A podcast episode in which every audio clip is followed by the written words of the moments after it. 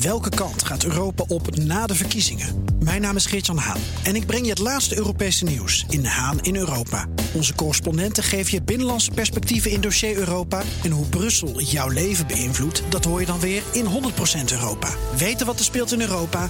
Luister naar de programma's van BNR. BNR Nieuwsradio. Werkverkenners. Rens de Jong.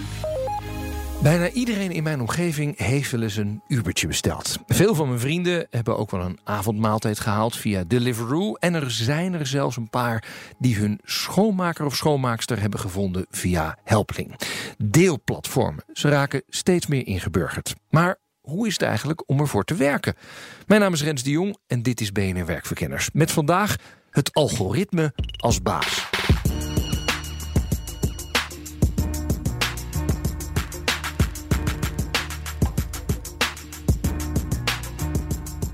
Het is een beetje moeilijk om harde aantallen te vinden, maar waarschijnlijk werken er in Nederland een kleine 10.000 mensen via die drie bekende platforms.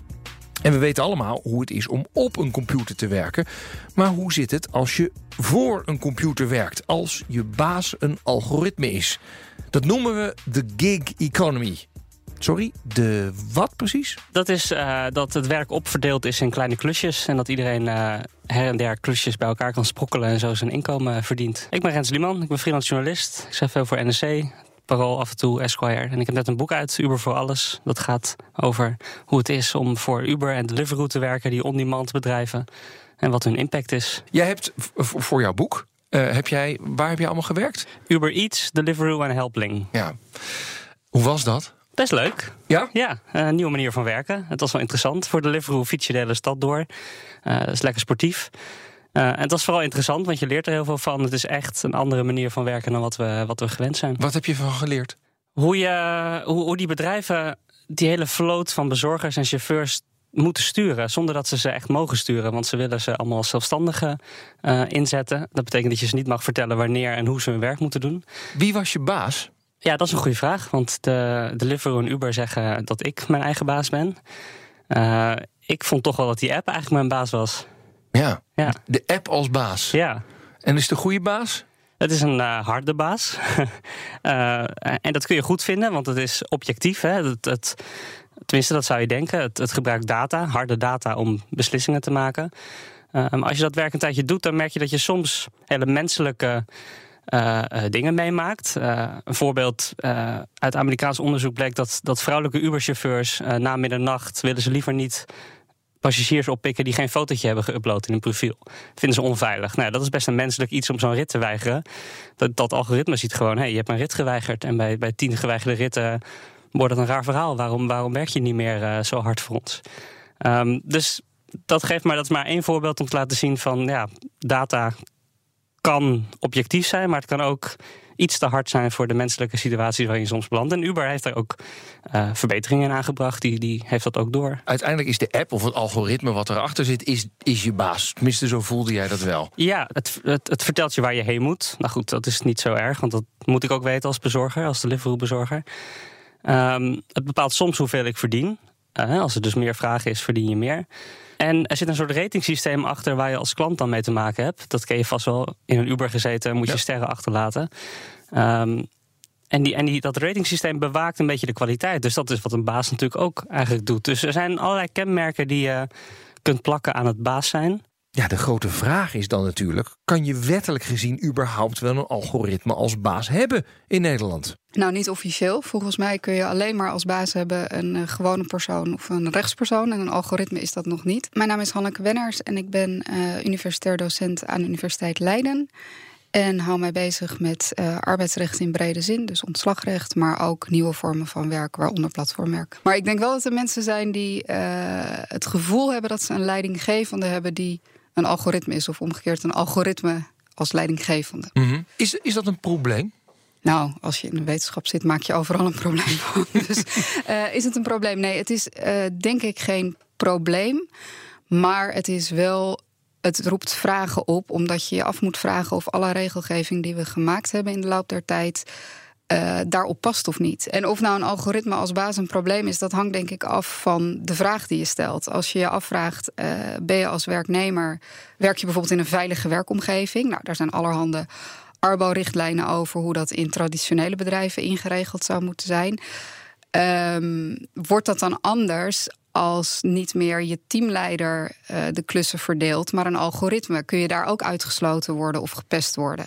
Nou, als we vinden dat in een traditioneel bedrijf je daar maatregelen tegen moet treffen door de teamleider op cursus te sturen, zodat hij niet discrimineert, pest, onderscheid maakt, verzin het maar.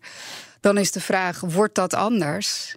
als het een algoritme is. Mm En vaak is de gedachte, het wordt juist beter en neutraler. Want hè, onafhankelijk, een algoritme kan niet denken. Althans, je hebt er twee. Je hebt gewoon de beslisbomen. Ja.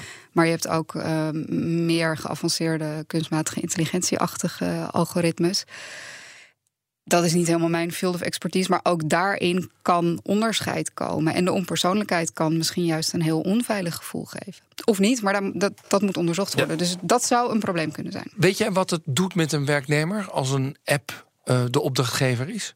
Het enige wat ik weet is uh, dat in een wat groter onderzoek in 14 EU-landen uh, bevraagd is aan mensen die ooit via internet gewerkt hebben. Dus dat is heel breed. Dat is mhm. niet per se alleen de Uber-chauffeur of de Deliveroo-rijder. Uh, hoe zij dat ervaren hebben. En daar was de uitkomst, grappig genoeg, dat mensen die weinig voor een platform werken, uh, het als een veilige werkervaring beleven. Maar zodra je over zeg maar de 50% van je tijd gaat dat je voor, op zo'n manier werkt, dan begint het onveiliger te worden.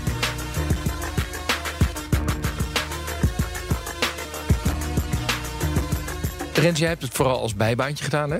Ja. Maar er zijn heel wat mensen in de platformeconomie die het gewoon als echte baan hebben. Um, levert dat niet ongelooflijk veel stress op? Dat je dan voor zo'n algoritme of zo'n app werkt?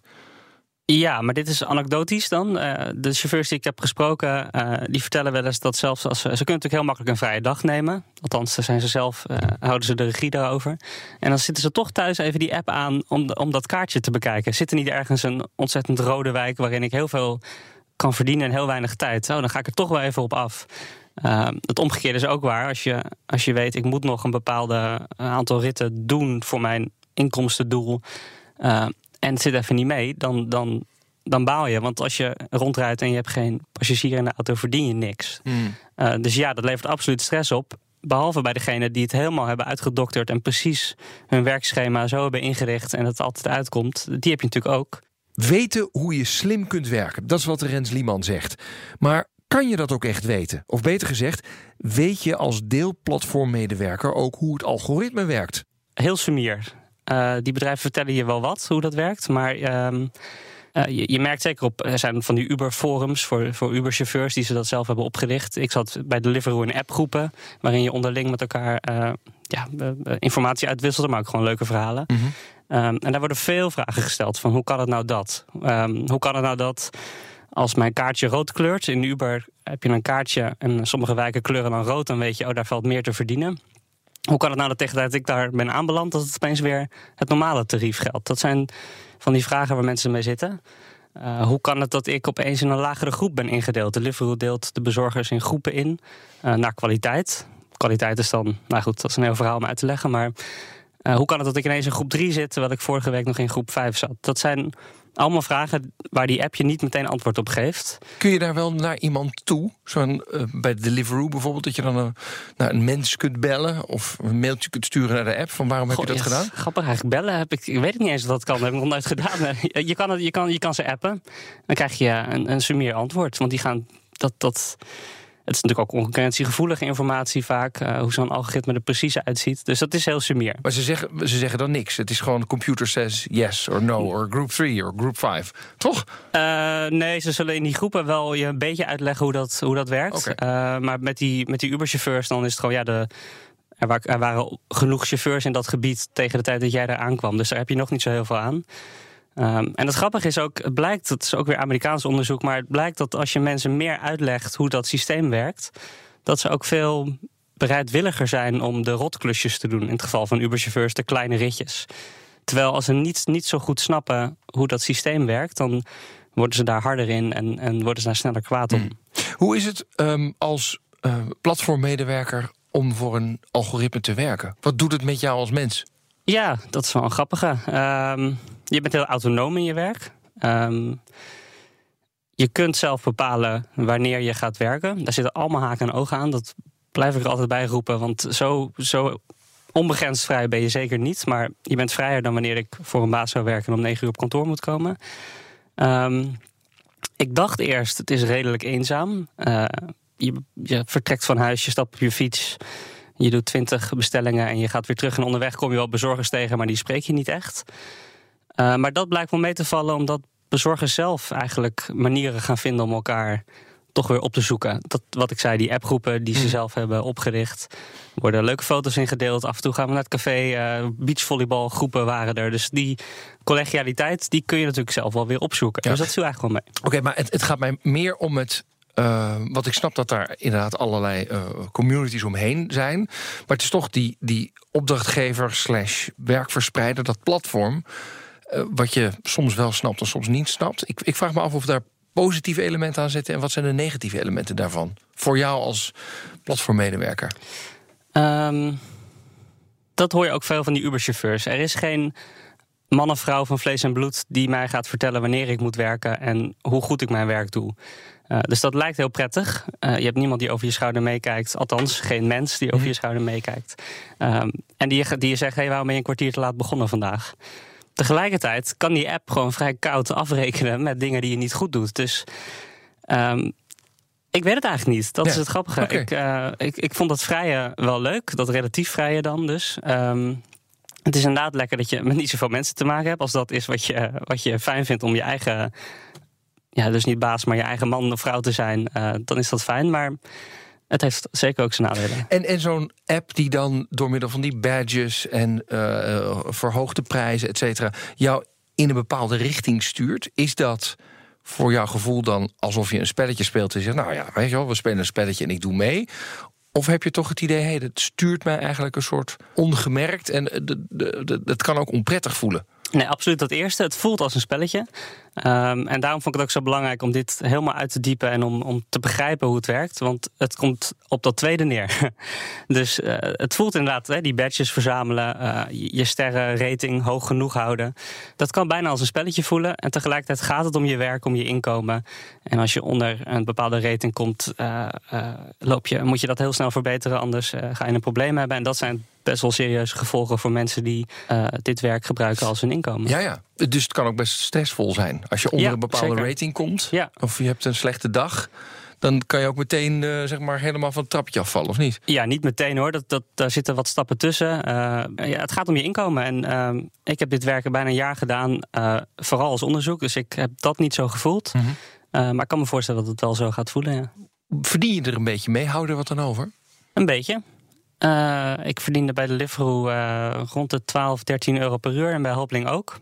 Daar zat het BTW dan al af, maar nog niet je, natuurlijk je inkomstenbelasting uiteindelijk. Mm -hmm. uh, dus een beetje. Er zijn Uberchauffeurs die prima geld verdienen. Er zijn veel Uberchauffeurs die veel moeten werken om tot een, een, inkomen te komen wat ze willen.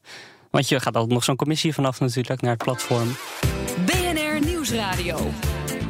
BNR Werkverkenners. De gig economy wordt steeds aanweziger in onze samenleving. Door toedoen van bedrijven als Uber, Deliveroo en andere deelplatformen. En dus krijgt het algoritme een steeds belangrijke rol. Sterker nog, het algoritme trekt een hele grote broek aan, namelijk die van een baas. Ik sprak erover met Hanneke Bennaars, universitair docent arbeidsrecht aan de Universiteit van Leiden. Dit is natuurlijk eigenlijk een, zeer, een beetje koude baas, toch? Ja, dat denk ik wel. Dit, hoe, eh, hoe kan dat uitwerken? Of wat voor scenario's komen daar dan uit in jouw hoofd? Uh, ik denk dat er twee aspecten zijn. Het eerste aspect is als aan de verdeling van het werk ook de mogelijkheid om inkomsten te behalen vastgekoppeld zit, dan levert het stress op, omdat je gewoon minder verdient als je minder werk krijgt. Mhm. Als je bij een traditioneel bedrijf werkt in loondienst, Meestal is het zo, bonusregelingen daar gelaten, maar dat welke klus je ook krijgt toebedeeld in het wekelijks overleg, aan het eind van de maand krijg je gewoon hetzelfde bedrag. Ja. Dus dat is de eerste. Als het toedelen van het aantal klussen um, invloed heeft op je inkomen, dan is dat stressvol.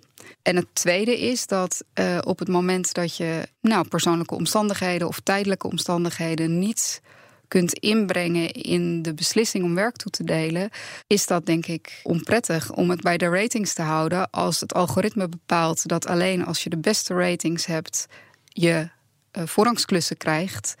En je hebt drie keer een slechte rating waar je niet per se iets aan kan doen vanwege ziekte of een hele onredelijke klant. Hè. Het wordt niet meer getoetst, er zit geen filter op. Iemand die gewoon een slechte dag heeft en een slechte rating geeft, telt net zo hard mee als iemand die een hele weloverwogen beoordeling geeft. Um, als je dat niet kunt compenseren, als je daar je verhaal niet kwijt kunt en de gevolgen niet kunt keren, dan lijkt mij dat ook uh, buitengewoon onzeker en angstig misschien ook wel. Hm.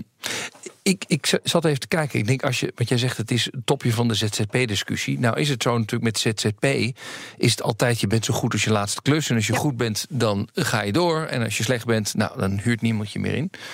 Wat je natuurlijk wel ziet, is die uh, beslismomenten worden steeds korter.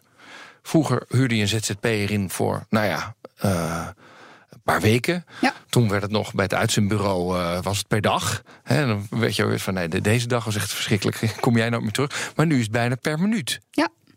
Ja, en dat heeft een, uh, een effect op hoe gewaardeerd wordt. Ik bedoel, ja, een proeftijd is niet voor niets een maand, zeg maar. Je moet een beetje iemand leren kennen om te kijken of het uiteindelijk matcht.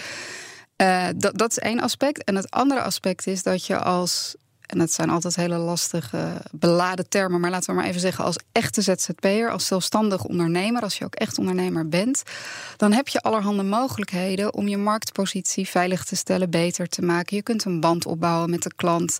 Als je inderdaad het gevoel hebt van, nou, dat ging niet heel lekker, die klus, kun je besluiten om korting te geven. En dan stuur je er een mail achteraan en zeg je, nou, volgens mij hebben we elkaar niet goed gevonden hier, vind ik hartstikke rot kost wat minder. Ik hoop dat je volgende keer weer belt.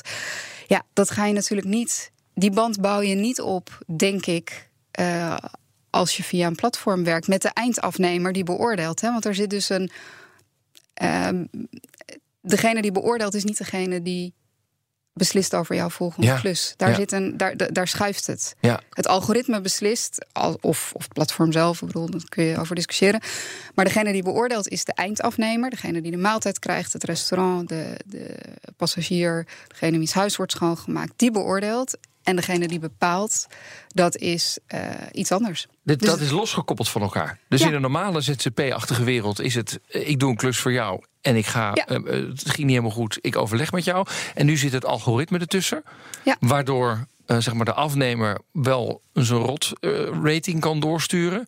Maar degene die uh, zeg maar het werk heeft gedaan, komt nooit meer bij die afnemer terecht. En nee, er kan nooit dus... meer iets goed gemaakt worden. Precies. En als je dat een aantal keer hebt, dan val je bijna het trappetje af. En dan is het, uh, ja, dan moet je heel hard werken om nog een keer een klus te krijgen om het weer goed te maken. Volgens mij wel, ja. Volgens mij werkt dat. Is er zo'n vertrouwen onder consumenten als het gaat om die ratings. En dat zie je ook in breder verband. En niet alleen met de individuele platformwerker, maar ook met de hosts op Airbnb en de uh, hotels en drie zure verhalen. En uh, het wordt lastiger. Dat is, dat is zo grappig. Ja. Deze uitzending heet een algoritme als baas. Het is eigenlijk de consument als baas. Ja, nou ja, het is bijna de rating als, als een soort met van geesel die elke keer achteraan zit, toch? Ja, nou ja, dat weten we natuurlijk ook niet precies. Hè? Ik bedoel, niemand weet precies wat er in die algoritmes gebeurt. In tonight's news, 20th century technology.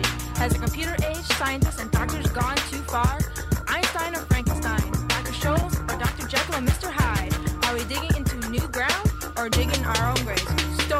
algoritme dat gaan zij niet laten zien. Dat is concurrentiegevoelige informatie. Uh, het Ratenau Instituut in Nederland heeft, heeft in een onderzoek laten zien... van dit zijn allemaal stappen waarop we ze toch zouden kunnen controleren. Eentje daarvan is, zet er een tussenpartij tussen. Een, een, een derde partij die dat wel mag inzien... en dan dat weer aan ons doorgeeft. Um, want nog kan dat niet. Uh, je ziet nu dat in, eh, in rechtszalen getoetst wordt. En dan hebben we het voor over die of zo'n deliveroo-bezorger een werknemer is of een zelfstandige. Um, en dan zie je dus, uh, dan, dan, dan, hebben we informatie nodig van onderzoekers, van journalisten, om, om dat te toetsen van uh, is zo'n bezorger zelfstandig of niet. Mm -hmm. Omdat we gewoon niet in het algoritme kunnen kijken of nee. mogen kijken. Ja. ja, daar hadden we het eerder al over. De black box van het algoritme. En dat brengt een probleem met zich mee. Het is denk ik moeilijk om te controleren, omdat je niet precies weet wat erin zit. En deels is dat uh, volgens mij onbekendheid. Zo van oeh, algoritme eng, black box. Uh, en deels is het ook niet altijd goed na te gaan. Ik geloof niet dat bedrijven verplicht zijn. Ik kan niet zo gauw bedenken op welke grond zij moeten openbaren wat ze hebben ingevoerd om het algoritme te laten werken zoals het werkt. Zeg maar. dat, dus je kan het moeilijk controleren vooralsnog. Ja, willen we dus dat de platformen een belangrijke rol in onze samenleving gaan spelen, dan moeten we in staat zijn om dat algoritme te kunnen controleren. En daarbij rijst de vraag: heeft werken in een gig economy dan een serieuze toekomst? Als dat gaat om werk in kleine stukjes, dan denk ik dat je uiteindelijk een weinig duurzame arbeidsmarkt overhoudt. Ik denk dat het een risico is voor de duurzaamheid. De duurzaamheid. En wat bedoel je met duurzaamheid dan? Nou, de duurzaamheid uh, van de werkende mens. Als je werkt voor je inkomen, als, als arbeid, je eigen arbeid, uh, hetgeen is waar je je geld mee verdient, dan zal je dat toch een jaar of 40, 50 inmiddels uh, moeten kunnen doen. Mm -hmm. En um, in de traditionele arbeidsverhoudingen is daar een zekere mate van zorg voor. Opleiding, scholing, opvangbaar arbeidsongeschiktheid, waardoor je langer mee kan, om het maar heel plat te zeggen. Als je alles opknipt en uh, zonder aanziens des persoon laat verdelen door een algoritme, dan uh, denk ik dat mensen misschien wel heel snel opgebrand zijn. Als ja. je echt je hele werkzame leven op die manier je hele inkomen bij elkaar moet klussen, dan denk ik dat dat heel zwaar is. Zijn er goede elementen te noemen aan het feit dat het algoritme een soort van baas is? Uh, ja, ik denk dat het een hele efficiënte allocatie is om uh, vraag en aanbod van arbeid bij elkaar te krijgen. Uh, een deel van die efficiëntie komt eruit voort dat wachttijd weggeregeld wordt. Hè? Dus er wordt niet meer betaald voor wachttijd. Nou, je zou dat, gelet op de risico's die we net schetsten, een minpunt kunnen noemen. Maar tegelijkertijd is het heel efficiënt. En nou ja, efficiënte markten zijn goed. Ja, efficiënte werkverdeling leidt tot snel werk. En een bijkomend voordeel is dat het algoritme kleurenblind is. Of althans, het maakt geen onderscheid. Sommige platformen, uh, wellicht groepen die anders moeilijk op de arbeidsmarkt uh, aan de slag komen, uh, wel een heel laagdrempelig podium bieden. Er zijn ook platforms die dat claimen. als je kijkt naar de Europese beleidsinitiatieven, wordt dat ook stevast als voordeel genoemd. De enige kanttekening die ik daarbij heb, is dat het niet onderzocht is. Dus ik weet niet of het waar is. Mm. Uh, maar als het waar is, dan is dat een ontzettende uh, plus. En dan heb je snel heb je werk. Mm -hmm. Snel kun je geld verdienen. Mm -hmm. Zonder door al te veel hoepels moeten springen, sollicitatiegesprekken enzovoort. Je kunt vrij snel aan het werk. Dat is er ook, dat is er ook goed aan. Dat is het, het mooie van die platformeconomie. Uh, het maakt de arbeidsmarkt heel toegankelijk. Ben je ergens op gesprek? Je hebt er bij drie gewerkt. Moest je een sollicitatiegesprek voeren eigenlijk? Nee, maar geen van die drie. Uh, ja, bij Uber moet je je taxidiploma halen als je voor uh, Uber de taxidienst gaat rijden. Uh, maar bij Deliveroo en Helpling, ja, kreeg ik een soort. Bij Helpling was het telefonisch gesprekje. Toen kreeg ik drie schoonmaakvragen. Dat was echt wel grappig, want dat was niet echt op voorbereid. dat was hoe zou jij een, een, een, een huis van drie etages schoonmaken en hoe zou jij een houten vloer dweilen? Nou, daar heb ik me een beetje doorheen gebluft. en dat ging goed. En dan, uh, ja, dan kan je aan het werk. Dus ja. zo, zo ingewikkeld tussen aanhalingstekens is dat uh, niet. Ja, ondanks die positieve kanten is er ook een belangrijk aspect waar we het nog niet over hebben gehad. Namelijk de privacy van de platformmedewerker. De meeste applicaties die gebruikt worden door platformen vrij veel informatie bevatten over de werker en wat hij doet en hoe hij het doet en hoe snel hij het doet. En het is nog niet helemaal duidelijk waar die informatie landt. Of het echt van de werker is of niet. Of dat het van het platform is. Um, dat heeft twee kanten. De eerste kant is, je wil misschien als werker je ratings wel meenemen. Hè? Mm. Ik bedoel, als je ergens anders heen gaat, dan wil je misschien wel uh, laten zien hoe goed je op het andere platform was. Nou, dat is niet altijd mogelijk. Soms wel, soms niet. Um, en je wil misschien ook gewoon wel in charge zijn over wat er met jouw gegevens gebeurt.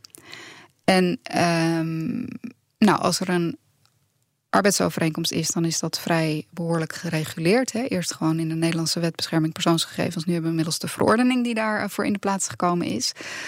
En um, platformwerkers zijn doorgaans worden geclassificeerd als gebruikers zelf van het platform. Ja. Uh, dat is een andere verhouding. Uh, en ik zou me kunnen voorstellen dat daar een zorgpunt zit. En het zorgpunt zit er wat mij betreft er met name in dat je wel afhankelijk bent van het platform voor je werk. Dus je gaat niet heel snel uh, roepen: kom eens hier met mijn gegevens, of ik wil dit niet geven, of deze informatie, daar hebben jullie geen recht op, want dan bemoeilijk je je werk. Mm -hmm. En uh, dat, dat zou problematisch kunnen zijn. Moet het arbeidsrecht gaan veranderen? Of zijn er dingen in het arbeidsrecht die zouden moeten veranderen omdat nou, platformen steeds meer opkomen en algoritmes de klussen steeds meer verdelen? Uh, ja, dat denk ik wel. Ik denk niet dat uh, het platformwerk de enige reden is dat het arbeidsrecht zou moeten veranderen. Ik denk dat de, uh, de snelheid waarmee technologische ontwikkelingen elkaar opvolgen, maakt dat je duurzamere wetgeving moet hebben, die meer inzetbaar is voor verschillende dingen die we nu nog niet kunnen overzien, zoals mhm. we tien jaar geleden het platform niet konden overzien. Um, en ik denk dat de enorme flexibiliteit die er bestaat om de factor arbeid in te richten. Hè, je kunt mensen in vaste dienst nemen, je kunt ze op uitzendbasis als ZZP'er, je kunt ze via een platform inhuren, je kan contracting toepassen. Nou ja, verzin het allemaal maar. Dat je daar een gelijk speelveld zou moeten creëren. Hoe bedoel je dat dan? Uh, nou, het zou niet uit moeten maken op welke manier je de factor arbeid in je bedrijf inricht voor de kosten. Want uiteindelijk is het meeste uh, eh, cost-driven. Mhm. Ehm, er zijn er zeker ook andere uh, elementen. En een van de problemen is volgens mij dat we steeds maar hangen op die definitie van de arbeidsovereenkomst. Is dit nou een werknemer of niet? Ja, ja. En hoe is dat contract nou vormgegeven? Terwijl je denk ik moet kijken naar welke arbeid, welk soort werk vinden we nou beschermingswaardig. Ja, ja. En dat zou dan hetzelfde moeten kosten. Of je nou achter een lopende band staat via een app met een arbeidsovereenkomst of uh, via een ander schimmig tussenbedrijf. Waarmee ik niet wil zeggen dat tussenbedrijf schimmig zijn, zijn maar ja. goed. Hè, um, dat zou hetzelfde moeten kosten en hetzelfde moeten opleveren qua regulering en bescherming. Ja, en wat wij nu reguleren we vaak op de wat voor een contractsvorm je hebt. En ja. daarop gaan wij reguleren. Ja. En eigenlijk zeg je nee, je moet het andersom gaan doen. Want over tien jaar verzinnen we vast en zeker weer wat nieuws. Tuurlijk. Dan zijn we weer te laat met wetgeving. Ja. Kijk nou naar de aard van het werk wat je doet. En is dat nou beschermerswaardig of niet? Of dat nou via een platform, een app, een, een schreeuwende baas of een hele aardige baas gaat. Ja. En dat is, zit ook haken en ogen aan, uiteraard. Maar volgens mij is dat een, uh, een invalshoek waar je wat meer mee kan. Klinkt wel als een enorme omdraaiing. En als je kijkt naar uh, hoe snel deze regering met allerlei wetgeving niet op de proppen komt, dan duurt het nog wel eventjes. Of, of, of ben ik te cynisch hier? Nee, je bent zeker niet te cynisch. En ik, um, maar dat komt omdat de wereld nou eenmaal ingewikkeld is. En je kunt niet zo heel makkelijk een compleet systeem van fiscaliteit, sociale zekerheid en uh, andere wetgeving in één klap omgooien. Dat is, dat is heel complex. Dat is politiek niet altijd haalbaar. Maar je mag altijd een beetje dromen, toch? Als we willen dat de gig economy echt een substantieel onderdeel van onze maatschappij wordt, dan moeten we flink aan de bak. En de vraag is: willen we dat wel? Want het is niet niets om een algoritme als baas te hebben. Zeker omdat we niet weten hoe het precies werkt en omdat we niet in staat zijn om het te controleren. Voor iemand die zo'n app als bijbaantje heeft, is het allemaal prima. Maar voor mensen die voor hun inkomen echt afhankelijk zijn van het algoritme, levert het stress op. En soms veel stress. Gelukkig wordt dit programma gewoon met mensenhanden gemaakt. Niet zonder stress overigens. Maar wij weten wel onze volgende gig. En die is gewoon volgende week. Mijn naam is Rens de Jong. Tot de volgende keer. Dag.